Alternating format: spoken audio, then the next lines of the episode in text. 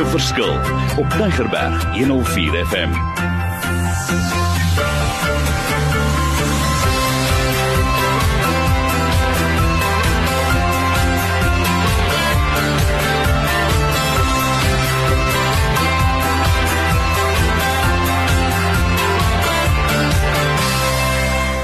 Wonderlik, Mario Denton, bedryfsielkundige. Ek geniet dit om te gesels oor die onderwerp van leierskap. Maar ons spel nie leierskap met 'n lang y nie, maar dan beteken dit ons lei onder die leierskap. We've got a different model of leadership.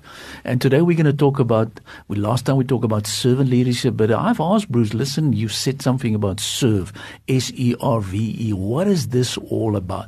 So my special guest again is Bruce and also uh, Leon, and I'm going to ask them get involved share with us. Bruce, this is, I know this is a seminar, it's a conference, and maybe you must come back one day for this international mm-hmm. conference about SERV, S E R V. But tell us more about why is it so important and why is this such a, a burning passion for you to use that model? Well, we talked about in the last session servant leadership and the heart of a of a servant leader, and it starts with Christ and and it, it, who changes us, who then has a love for other people. But then there's the practical side. What does that mean? How do I do that? Well, there is a, a model that we've developed, and it is called the serve model. And number one, you is the S. It's you shape your leadership, starting leading yourself, and then leading a team of people and a culture that really values people and produces a product of value. So it starts in the home, it starts with ourselves, and then moves out. So we shape leadership, number one.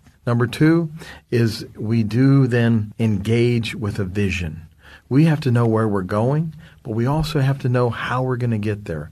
A vision, a mission, a plan, and getting people to buy into that. And that takes inspiration, but it also takes uh, strategy and working things out. From there, the big picture of leading myself and, and, being a leader and having a vision is I need to have a process. I need to have ways of implementing this.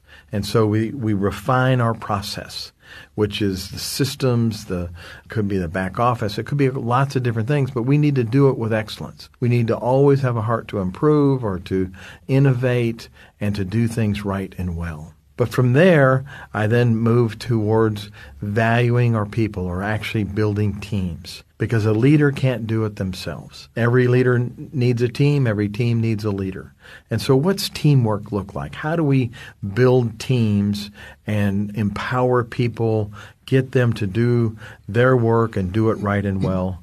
But then, all leadership and, and the function of leadership has a result, and we need to excel at the results. Is to produce a product and to or to, to lead a people, to lead whether it's a country, a home, a business. It doesn't matter what level of leadership, we want to have a result that both glorifies the Lord, brings people to Christ, but also does good for other people. So we do things well and we produce a great result. So that's those five aspects of what servant leadership practically looks like is this serve model.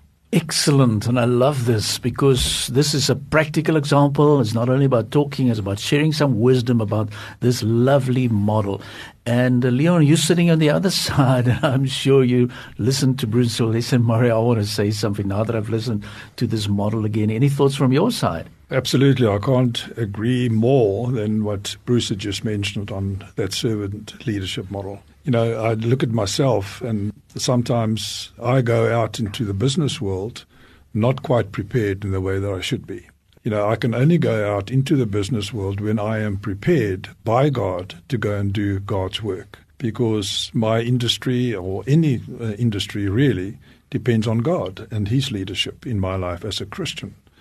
Oftentimes, I must say, I check myself. Am I prepared for this day ahead? To see my clients and to present the products that I have and to give good advice to them and to make it work for them because that's more important to me than anything else than to put money in the bank to have a satisfied client who can refer to me and who can talk with me and can trust me and that comes from God. And uh, if we go into the business world, into the day, think that I can do it myself, that I make a big mistake. Mm-hmm. I cannot do that. I should not do that. And I don't want to do that. My hope and trust is in Jesus Christ and His wisdom and His leading and His energy. So for me, it is really important that to be well prepared, and I can only be well prepared through the Word of God in the mornings and uh, throughout the day. Call on Him. He said, You can call on me all the time, wherever you are, whatever distress, whatever joy, whatever situation you find yourself in. I am there for you. So I can call on Him, and I do call on Him oftentimes during the day. And He is my great help. He is the greatest leader that we could ever think of. Amen. The greatest leader of all times.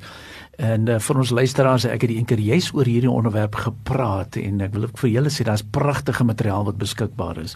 So as jy nou ons luister en jy soek meer inligting and Bruce mentioned about serve and what is it all about? Yes, there's some brilliant stuff, information that I know will be an eye opener for you.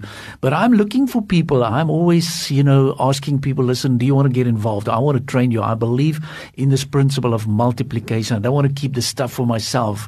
And so if there's anybody sitting on the other side say, Hey, I want to get involved. I love your coaching and I love this material and you want some additional information, come please. I'm going to give you my details right at the end again. But Bruce, this is just the start. You've just, you know, like beginning into this topic. And I know there's lots of extra information. What else do you have on your menu for us? Well, I just think it's, it is this sense of both there's a spiritual side and there's a relational side and a practical side. So we've got to have Christ in us and Christ through us as the leader in me. But then I have a heart, a heart for people, and it's a relationship. It's the best for other people. But then I need to do it practically and do it well and do it with excellence. So leadership and the servant leadership model and the serve model incorporates all three of those at those different levels. The foundation is Christ in me. The mm-hmm. second level is people. And then the third level is the practical and having good results for what we do. So we got to keep these things in the right order as well as with the right foundation. Because it's like if you build a house on sand, it's going to fall over. It's going to it's not going to last. So we have to have the right foundation, but we also have to build it well and to have an end in mind of what we're building and yet then we use it for other people. It's not for our own selfishness. And that's what a, the, the great thing to me and the encouraging thing about servant leadership, it's not about us. It's about both honoring the Lord, but also helping others, and then we're producing whatever result we're trying to get to is for the good of other people. Yes, that's wonderful. And I want to repeat from my side what are the things that I'm picking up so far. And I love the emphasis on, hey, let's get the foundation in place. On, on you know, how do you build that stuff? Very, very important. But you, uh, Bruce, also the emphasis on people's side. That to me is something, you know, it's about relationships. That's vital. So vir ons mense daar aan die kant wat luister en waar jy mag sit, asseblief, kom ons raak betrokke. Dis my sterk boodskap. So ek wil tog vinnig vir my twee kollegas net vra if you're sitting with me in the lift and you know you've got 10 seconds to close and what you've got a lot of people in the lift and this is from say floor number 20 and you want to go back to floor number 1 what is your final 10 seconds? Bruce and what is your final 10 seconds? Leon I'm going to start with you Leon and then I'm going to ask um, Bruce just to throw in his 10 seconds. 10 seconds Maybe what I will do is I'll press the stop button so I'll have more uh, time in the lift with I love it. yes. Uh, for me is at the end of the day I come home from a day outside in the in the marketplace. How satisfied am I Yes. that this was a day for Jesus. Mm. This was a day for the Lord, not for Leon, but mm. for the Lord. Amen. And what did I achieve what did God achieve in me and through me in this day for his glory and for his honor?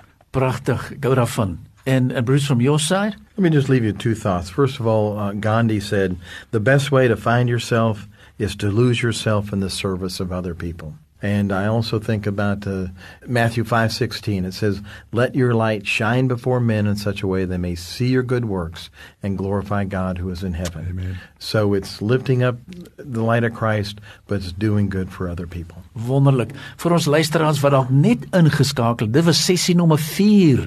Ons gaan nog 3 vat. Daar is lekker. Ek weet ons kan nog baie gesels, maar as jy inligting soek, gaan laai dit af op die podcast. Radio in hierdie stasie is daar om 'n verskil te maak en uh, so maar skakel my ook 08288 0828829903. Ek herhaal 0828829903 want ek wil hê jy moet 'n verskil maak in die lewe daar buite want ons gee om al die eer. Jy kan dit doen. This is not the end of the world. This is your time to make a turnaround, to make a difference, to have some impact, but follow this solid advice, solid wisdom that I know is going to help you to make a difference. So keep on having a great time, enjoy yourself, but maak 'n verskil in die lewe daar buite. Die Here seën jou.